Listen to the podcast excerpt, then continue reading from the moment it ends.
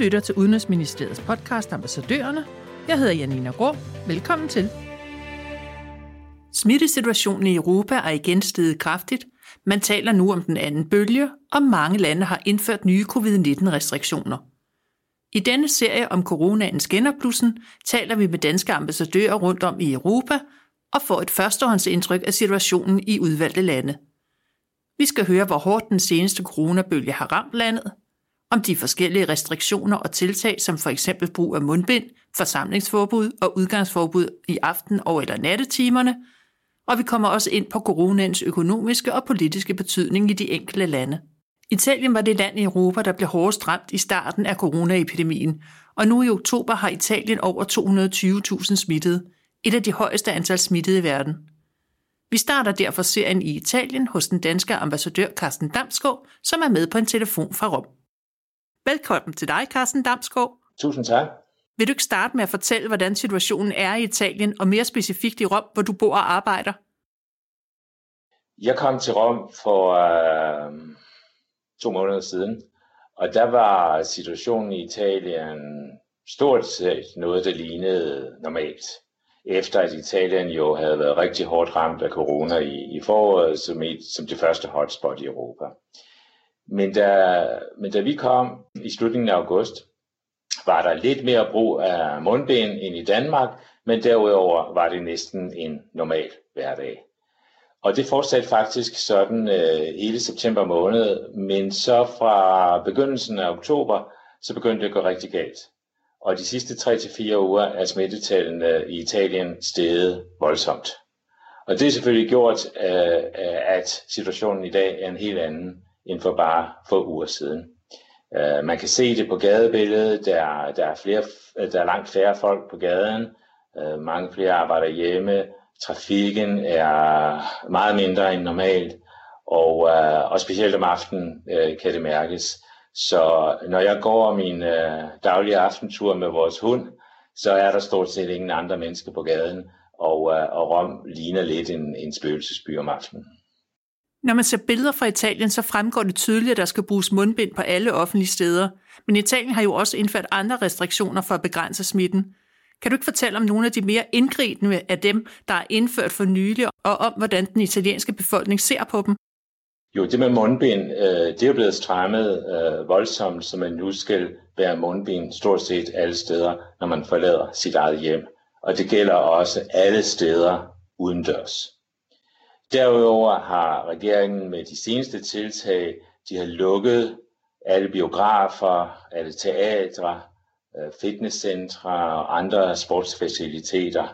Og som det nok mest indgribende hidtil, øh, har de, øh, er det nu øh, påbudt, at alle restauranter og barer skal lukke kl. 18. Og det vil sige, at der er ingen aktiviteter stort set om aftenen. Og det er jo mindst, ikke mindst det er jo et stort indgreb i den normale øh, italienske livsstil, hvor man meget går ud om aftenen med sine venner, med familie, restauranter, bar osv. Alt det er lukket ned nu. Derudover arbejder, som jeg sagde, øh, rigtig mange hjemmefra nu, men til gengæld har, øh, er, har man valgt at holde skolerne åbne. Og øh, så det er det, det, det, hvor man er i dag.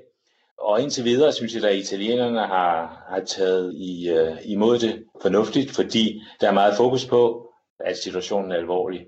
Og øh, jeg tror, at, at man er indstillet på, at der skal til, noget til, hvis man skal undgå, at det her går helt galt, og man ender i en situation som i foråret, hvor man bliver nødt til at lukke hele landet ned igen, som jo er sket øh, med nogle, i nogle af nabolandene her inden for de, de seneste dage. Men det er så klart, at der er mange, der er meget bekymret for, for situationen og hvad det her indebærer. Der er jo rigtig mange øh, små virksomheder, ikke mindst inden for restaurationsbranchen, underholdningsbranchen og, og, og servicesektoren i almindelighed, plus selvfølgelig hele turismesektoren, som jo også er meget, meget hårdt ramt. Og øh, inden for restaurationsbranchen for eksempel er der jo mange små familieejede virksomheder, restauranter, værtshuse, barer, caféer osv., og de er selvfølgelig meget bekymret for, hvad, hvordan det går med deres økonomi. Og selvfølgelig de der ansatte i de her brancher er, er bekymret for deres fremtid. Så vi har set øh, demonstrationer de seneste dage af blandt andet øh, restauratører og andre, som ligesom vil gøre opmærksom på de, de problemer, de ser. Men det er noget, som regeringen er meget opmærksom på, og man har også i Italien vedtaget økonomiske hjælpepakker, som skal forsøge at, uh, at bøde op for konsekvenserne af noget af det her. Ja, det fører os over det næste spørgsmål, om du kan komme øh, lidt mere ind på, hvilke økonomiske og politiske implikationer, som genopblussen af corona har medført i Italien. Italien er hårdt ramt økonomisk. Der er udsigt til et fald på den økonomiske vækst i år på omkring 10 procent. Og det er klart, det har specielt, øh, rammer specielt hårdt i mange sektorer.